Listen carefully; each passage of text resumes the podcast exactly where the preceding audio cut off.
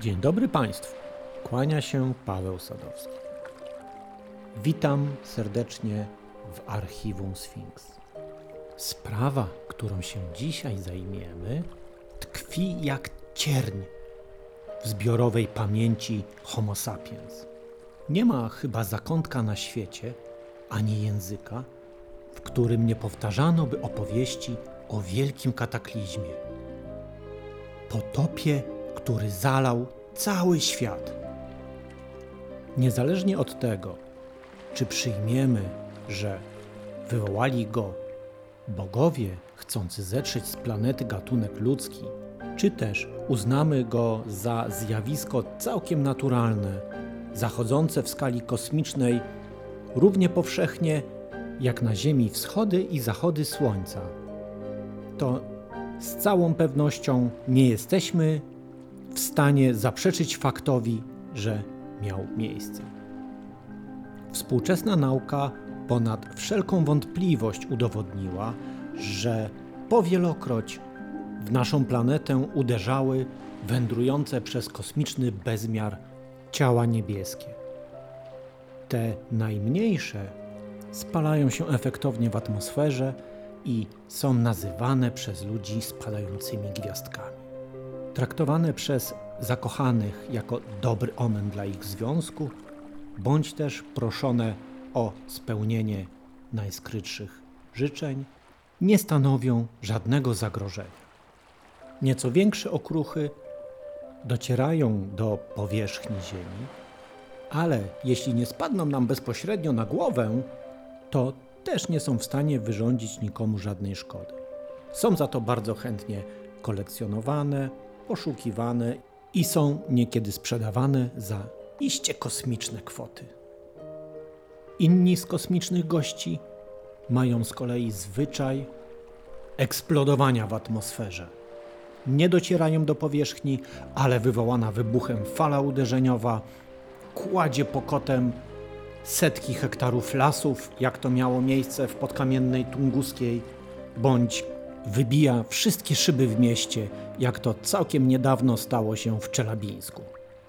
Raz na kilka milionów lat zdarza się, że to, co nadlatuje z kosmosu, jest tak duże, że nie tylko dociera do powierzchni Ziemi, ale uderza w nią z przepotężną siłą i wywraca wszystko na planecie do góry nogami. Skala kataklizmu jest niewyobrażalna. Coś takiego potrafi zmienić kompletnie oblicze planety. Jedne gatunki wymierają od razu, inne nie mogąc się przystosować po pewnym czasie. Ale tworzy to też przestrzeń do rozwoju innym istotom żywym.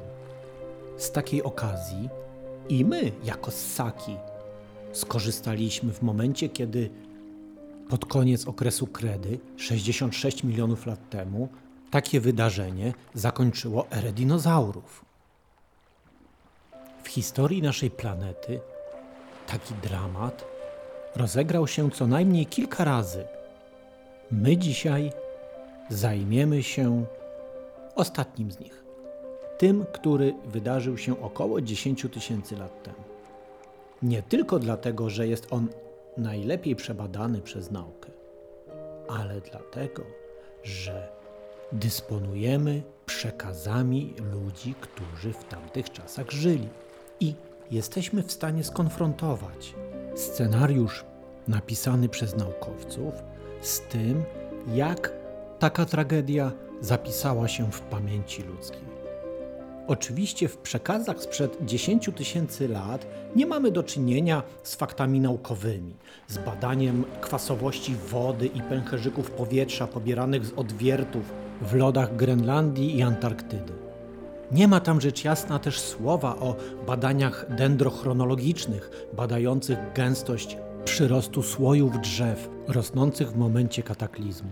Nie spodziewajcie się również Państwo, że w tamtym czasie ktoś zajmował się datowaniem pultektydów, czy też badaniem kraterów wokół Australii, czy na dnie Morza Południowochińskiego. Wszystkie opisy naocznych świadków dotarły do naszych czasów w formie mitów i legend. Opowieściach o bogach, smokach i potworach chcących zniszczyć Ziemię i zamieszkujących ją. Jeszcze do niedawna w naszym kręgu kulturowym monopol na opowiadanie tej historii miała zawarta w biblijnej Księdze Rodzaju przypowieść o marynistycznych przygodach dżentelmena imieniem Noe. A tymczasem historia ta mogła wyglądać tak. To był kolejny nudny dzień. Noemu coraz trudniej było znieść panujący wewnątrz arki zaduch i fetor bijący od zwierząt pozamykanych w ciasnych boksach. Do tego dzisiaj arką rzucało wyjątkowo mocno. Wszystko to powodowało, że ledwo mógł zapanować nad żołądkiem. Zapragnął zaczerpnąć świeżego powietrza. Wdrapał się po drabinie na najwyższy poziom, dokładnie przewiązał liną w pasie i przez niewielki włas wygramolił się na dach. Z trudem łapał równowagę na tańczących mu pod stopami mokrych deskach. Zacinający deszcz w jednej chwili przemoczył go do suchej nitki. Jego szaty łopotały, targane wściekłymi podmuchami wiatru. Spienione fale z łoskotem rozbijały się o burty. Serce Noego truchlało na widok Bożego gniewu, niszczącego cały znany mu świat.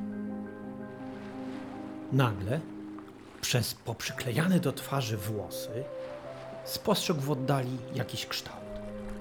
Wytężał z całych sił wzrok, starając się przeniknąć ulewę. Gdy zrozumiał, co widzi, oniemiał. W jego kierunku szybko zbliżała się ogromna łódź. Na dachu stał siwowłosy starzec w rozwianych szatach i machał do niego ręką. Pomimo wycia wiatru i huku kipieli, dosłyszał, jak tamten krzyczy. Ej! Ej! Tam na łodzi! Ktoś ty! Noe nabrał pełne płuca powietrza i odkrzyknął. Jam jest Noe! Wybraniec Boży! Ratuję z potopu nasienie ludzkie i zwierzęta, by zasiedliły na chwałę Pana ziemię, gdy opadną wody. A tyś kto? Na odpowiedź nie trzeba było długo czekać. Jam jest z Jusudra, wybraniec Boży! Ratuję z potopu nasienie ludzkie i zwierzęta, by zasiedlały ziemię na chwałę mojego Pana, gdy wody opadną. Skonfundowany Noe podrapał się w głowę i powiedział: Hmm. Nim zdążył zebrać myśli, na wschód od łodzi z Jusudry, z pomiędzy bałwanów wypłynęła kolejna. Na dziobnie stał starzec i gromkim głosem wołał: Z drogi! Przed imą, wybrańcem boskim, mam na pokładzie ocalenie dla świata! Zaraz za nim z wodnej mgły z godnością wyłonił się Atmu. Na trzcinowej łodzi z wysoko ku niebu wygiętym dziobem i rufą. Potem nadpłynął Deukalion, tnąc wzburzone morze, jakby był na regatach. Nie minęło wiele czasu, a cała powierzchnia wody w zasięgu wzroku upstrzona była kołyszącymi się na falach arkami. A ponad nimi, z pomiędzy ciężkich chmur, wyłoniło się wielkie, czarne cielsko smoka kunga. Noe cofnął się do wnętrza statku i zatrzosnął za sobą włas. Był mokry, zziębnięty i cokolwiek oszołomiony. No co tam na górze? zagadnęła go żona. Nic. Potok. Odburknął tylko i poszedł galerią wzdłuż zagród dla dużych ssaków, szukając w kieszeni klucza do magazynku z winem. Tak, drodzy Państwo, świat, jak długi i szeroki, pełen jest mitów o potopie. Nie będziemy się jednak dzisiaj skupiać na przygodach ocalałych. Prześledzimy opisany w mitach ciąg tragicznych wydarzeń. Opis uderzenia wielkiego kosmicznego obiektu w Ziemię. Posłuchajcie zatem Państwo tej tragedii, zamkniętej w kilku najważniejszych aktach. Akt pierwszy. Witaj, kosmiczny pielgrzymie. O tym, jak starożytni opisywali zbliżający się do Ziemi niszczycielski obiekt. Indyjska Matsya Purana wspomina o zbliżaniu się straszliwych słońc i siedmiu bezlitosnych promieniach, a także o siedmiu chmurach powstałych z ognistej pary. W mitach babilońskich zaś mówi się o siedmiu głowach wielkiego węża, czego zapewne echa potem słyszymy w Apokalipsie świętego Jana, gdzie w czwartej wizji pojawia się siedmiogłowy smok. Także Henoch, pradziad Noego, widział na krańcach nieba siedem gwiazd, jak wielkie płonące góry. Ognisty smok często pojawia się w mitach azjatyckich, zaś przekazy z Australii, Malanezji i obu Ameryk wspominają o przynoszącym nieszczęście ognistym wężu. Jak zapewne zwróciliście Państwo uwagę, częstokroć w mitach występuje nie jeden obiekt, a wiele. Może to sugerować, że kosmiczny intruz, podróżując przez układ słoneczny, rozpadł się na kilka kawałków. Akt drugi. Złe słońce o tym, jak przebiegała kolejna faza zbliżania się kosmicznego obiektu do Ziemi. Indianie Yamana z Ziemi Ognistej opisują w swoich podaniach stare, złe słońce, które spadając na Ziemię powodowało wrzenie oceanu, spalenie lądu i śmierć ludzi. Ze starogreckiego mitu o Faetonie dowiadujemy się z kolei o niefortunnej przygodzie młodego Faetona, któremu jego ojciec, Bóg Helios, pozwolił przez jeden dzień powozić słonecznym rydwanem po niebie.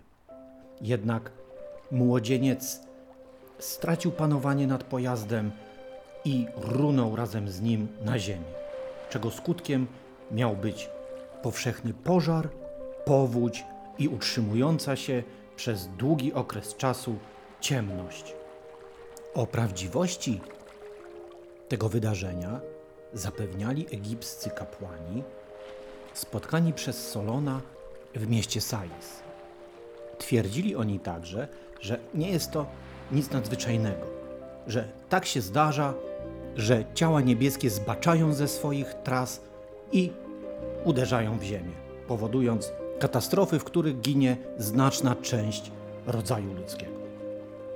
Opis upadku ciała niebieskiego do oceanu zawiera też niezawodna apokalipsa świętego Jana, gdzie możemy przeczytać i jakby wielka góra płonąca ogniem została w morze rzucona. Opisy, choć podobne do siebie, pochodzą z różnych zakątków świata, co pozwala nam sądzić, że obiekt istotnie rozpadł się na kilka fragmentów, które uderzyły w różnych miejscach kuli ziemskiej. Akt trzeci. Dym i para. O tym, jak wyglądał moment zaraz po uderzeniu obiektu w Ziemię. Staroindyjska legenda o potopie tak opisuje tą chwilę. Potem ku zniszczeniu niebios uderzył w górę pierścień płomieni, wyglądający jak mnóstwo języków Boga śmierci i świecący jak wschód dwunastu słońc. Gdy okrąg ziemi spaliło wiele strasznych słońc, szereg światów wraz ze wszystkim, co się poruszało i co było nieruchome, zmieniło się natychmiast w popiół. Także w najstarszym eposie ludzkości, o Gilgameszu, mamy obszerny opis rozpoczynający potop. Anunnaki pochodnie podnieśli, blaskiem ich straszliwym ziemię zażegli. Wir pyłu Rammana nieba dosięga, światło wszelkie w mrok przemienia.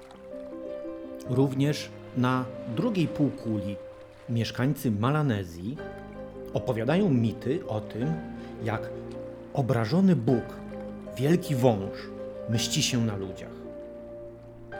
Wyrzucił swą maczugę wysoko w niebo, chmury pękły i potworne deszcze zalały ziemię. Akt czwarty. Bogowie zatrzęśli ziemią. O tym, że uderzenie wielkiego obiektu w ziemię wywołało także zjawiska natury sejsmicznej. Na Bliskim Wschodzie epos o Gilgameszu opowiada o tym etapie dramatu tymi słowami. Pękła wielka ziemia, jakoby garnek. Bogowie podziemi zatrzęśli światem. Także Księga Henocha opisuje trzęsienie ziemi, które nastąpiło zaraz po uderzeniu. Zawaliło się niebo i spadło na ziemię. Ziemia zapadła się w otchłani razem z górami, wzgórzami i drzewami. W innym rozdziale tego samego dzieła Noe zauważa, że ziemia zniżyła się i bliska była upadkowi. I zatrwożony pyta swego pradziada Henocha: Powiedz mi, co dzieje się z ziemią, że jest taka krucha i tak drży? O, nie chciałbym, gdy ona się zapadnie, zapaść się razem z nią. I zaraz zaczęło się potężne trzęsienie ziemi. Przekazy o trzęsieniach ziemi znajdujemy też w opowieściach rdzennych mieszkańców Ameryki Północnej. Indianie Katao z kalifornijskiego plemienia Atapasków opowiadają, że pękanie skał i rozszczepianie drzew spowodował przed powodzią gromowładny stwórca. Zaś Indianie Washo z Kalifornii zachowali w swych przekazach informacje o tym, że ziemia rzucała się jak wzburzone morze, plując ogniem, dymem i popiołem. Także w świętej księdze Kiczów, szczepu należącego do plemienia Majów, możemy przeczytać o tym, że zrozpaczeni ludzie uciekali jak mogli najprędzej. Chcieli wejść na dachy swych domów i dachy waliły się, zrzucając ich na ziemię. Chcieli schować się w pieczarach, ale pieczary ich nie wpuszczały. Wiele przekazów mówi o tym, że trzęsieniom ziemi towarzyszyło tryskanie ze skał wielkich ilości wody. Trysnęły z hukiem wszystkie źródła otchłani. Tak opisuje to biblijna Księga Rodzaju. Zaś w Koranie możemy przeczytać, że ziemia była przedziurawiona na wylot jak sito i wytrysnęły z niej potoki źródeł, wznosząc się w górę tysiącami strumieni. Pochodzący z Azji Wschodniej mit plemienia Ami o wielkiej powodzi opisuje trzęsienie ziemi, podczas którego waliły się góry, ziemia się rozstępowała, a z rozpadlin tryskała gorąca woda. Możemy to zjawisko potraktować jako preludium do kolejnego aktu. Akt piąty. Potop. O tym, jak olbrzymie fale i ulewa o niewyobrażalnej sile zalały świat wodą. Bezpośrednim skutkiem upadku ciała kosmicznego do oceanu jest powstanie wysokiej, niekiedy na wiele kilometrów fali zalewającej kontynenty, a także ulewa na globalną skalę. Według zamieszkujących Amerykę Północną Indian z plemion Paunisów i Wichita, dawno, dawno temu ocean zaczął nagle wzbierać, aż pokrył cały ląd. Woda płynęła nad szczytami gór i lód się nad nimi unosił. Gdy wody opadły, lód zaczął osiadać i wszędzie na szczytach gór tworzył lodowe pokrywy. Z kolei kalifornijscy Nawachowie opowiadają, że pewnego ranka zdarzyło się, że gdy wstali, na wschodzie coś się pojawiło. Podobnie na południu, północy i zachodzie. Była to jakby zwarta ściana wody, bez żadnej szczeliny, która rozciągała się wokół nich. To była woda, to, co się wokół nich znajdowało. Tego nie dało się przekroczyć, przejechać i wszystko uciekało. Biegali w kółko dopóty, aż dotarli do nieba. W drugiej opowieści tego samego plemienia pewnego dnia ludzie zobaczyli, jak wszystkie zwierzęta pędzą ze wschodu na zachód całymi dniami.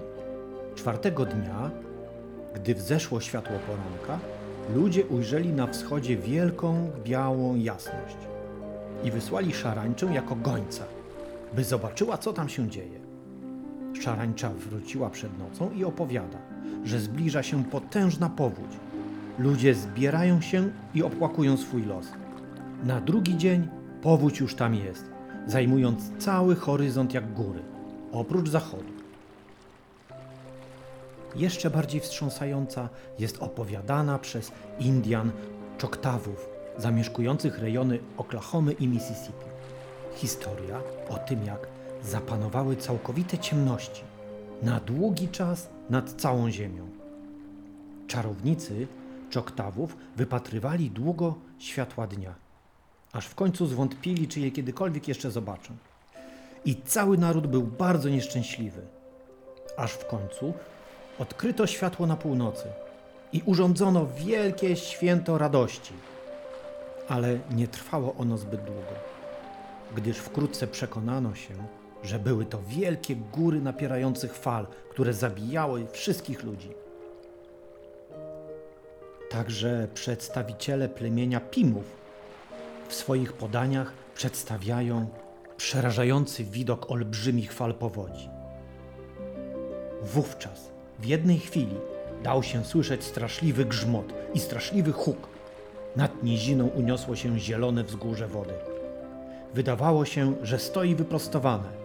Potem jaskrawe światło błyskawicy przecięło je na pół i wody zaczęły sunąć naprzód jak wielkie zwierzę. Gdy nadszedł ranek, nie było widać nic żywego, poza jednym, jedynym człowiekiem. O ile w ogóle był to człowiek w azteckim Codex Vaticanus, czyli przechowywanym w Watykanie, jednym z bardzo nielicznych dzieł pisanych Azteków, które ocalały z okresu szerzenia chrześcijaństwa przez Hiszpanów. Wielka powódź jest przedstawiana jako ostatni akt scenariusza zagłady świata po nocy, burzy i pożarze. Z kolei w nieocenionym eposie o Gilgameszu tak opisywane jest zjawisko fali powodziowej. Przez dzień pierwszy południowa burza szaleje, wdarła się i górą wody pokryła. Powódź wpada na ludzi jak bitwa. Jeden drugiego już nie widzi. Z nieba takoż ich nie dojrzeć. Bogowie takoż sami zlękli się potopu wznieśli się, umknęli do nieba Anu. Burza idzie sześć dni, siedem nocy. Burza południowa ziemię równa potopem. Kiedy dzień siódmy się uczynił, poniechała południowa burza potop. W literaturze sanskrytu motyw potopu pojawia się zupełnie często. Zawiera go zarówno Satapata Brahmana, Mahabharata, jak i Purana. Opowiadają one zgodnie o globalnym pożarze i potopie spowodowanym występowaniem z brzegów morza i przez wiele dni padającymi deszczami podczas niosących zagłady burz. Także chińskie mity zawierają informacje o falach wody zalewających świat. Najpopularniejszy z mitów o demonie Kung Kungu, władcy ciemności, piekieł i śmierci, który podczas toczącej się w niebie walki o tron, pełen wściekłości obiegał górę puczą. Robił to tak długo, aż podpora nieba pękła i niebo skłoniło się na północny zachód. Zaraz potem przyszła niesłychana powódź i zalała wszystko, a towarzyszące jej ulewne deszcze zdawały się nie mieć końca. Wielkie, bezbrzeżne wody czyniły wszędzie spustoszenie. Bezmiarem swym otaczały góry, przelewały się ponad wzgórzami. Ogromne fale wspinały się aż do nieba. Ludzie wspinali się ku niebu i uciekali na drzewa. Istotnym elementem wszystkich opowieści o potopie są nie tylko bardzo wysokie fale, ale też padające przez wiele dni ulewne deszcze. Nie są to jednak takie zwykłe deszcze. Zazwyczaj są opisywane jako strumienie lejące się z nieba, składające się z nienaturalnie wielkich kropli. W perskim Bundaheszu krople mają wymiar spotków lub miseczek. W Zend-Aweście dochodzą rozmiarami do ludzkiej głowy. A w opowieściach północnoamerykańskich Algonkinów mają rozmiar wigwamów. Często pojawiają się też informacje o innych anomaliach. Na przykład przekazy z Mezopotamii mówią o błotnistym deszczu w kolorze czarnego atramentu, a kiczowie zamieszkujący tereny obecnej Gwatemali w swojej świętej księdze Popol Vuh opowiadają o czarnym deszczu i deszczu żywicy. Jeszcze większe przerażenie mogą budzić opisy lejącej się z nieba wrzącej lub palącej wszystko wody.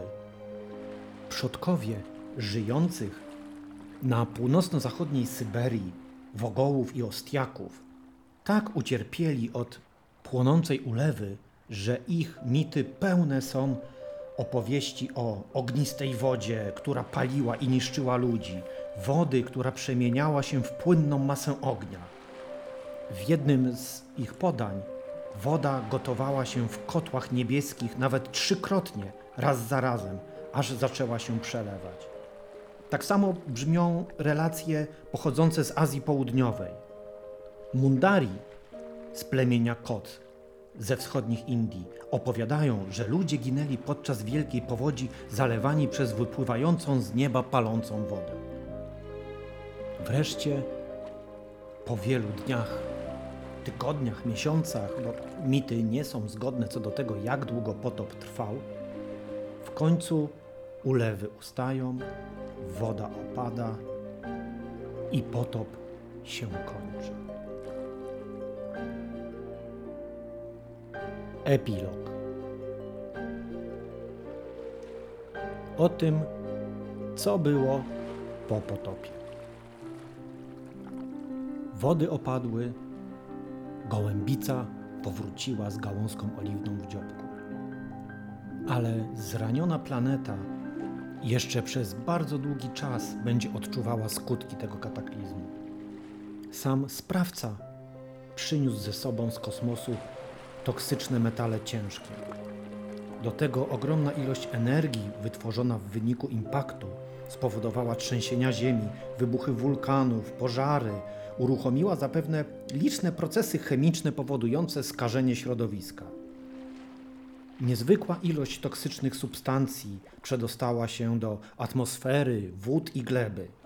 Z przekazów indyjskich w Matsyapuracie opisującej uderzenie w Ocean Indyjski, co spowodowało wybuch podmorskiego wulkanu i wydobywającym się z niego trującym ogniu z piekła. Indianie Apalachi z Florydy opisują, jak po długiej nocy i potopie wreszcie pokazało się słońce, które oczyściło ziemię ze wszystkich szkodliwych wyziewów, które świat pogrążyły w straszliwym zamęcie. Zaś znana już nam chińska opowieść o demonie Kung-Kungu w dalszej części opowiada o tym, jak sam sprawca powodzi zatruł swym oddechem środowisko. Wody stały się gorzkie i cierpkie. Pomocnik demona nazywał się Xiang Yao. Miał on dziewięć głów i ciało węża zwinięte w kłębek. Pożerał nowe ziemie, a wypluwał i wydalał cierpkie i gorzkie bagno. Wreszcie ziemia oczyściła się, woda przestała być trująca, a na błękitnym na powrót niebie pojawiła się tęcza. I tak oto szczęśliwie dotarliśmy do końca dzisiejszej opowieści. Bardzo Państwu dziękuję, że zechcieliście jej wysłuchać. Mam nadzieję na rychłe ponowne spotkanie, a teraz już żegnam się. Kłaniam się, mówił Paweł Sadowski.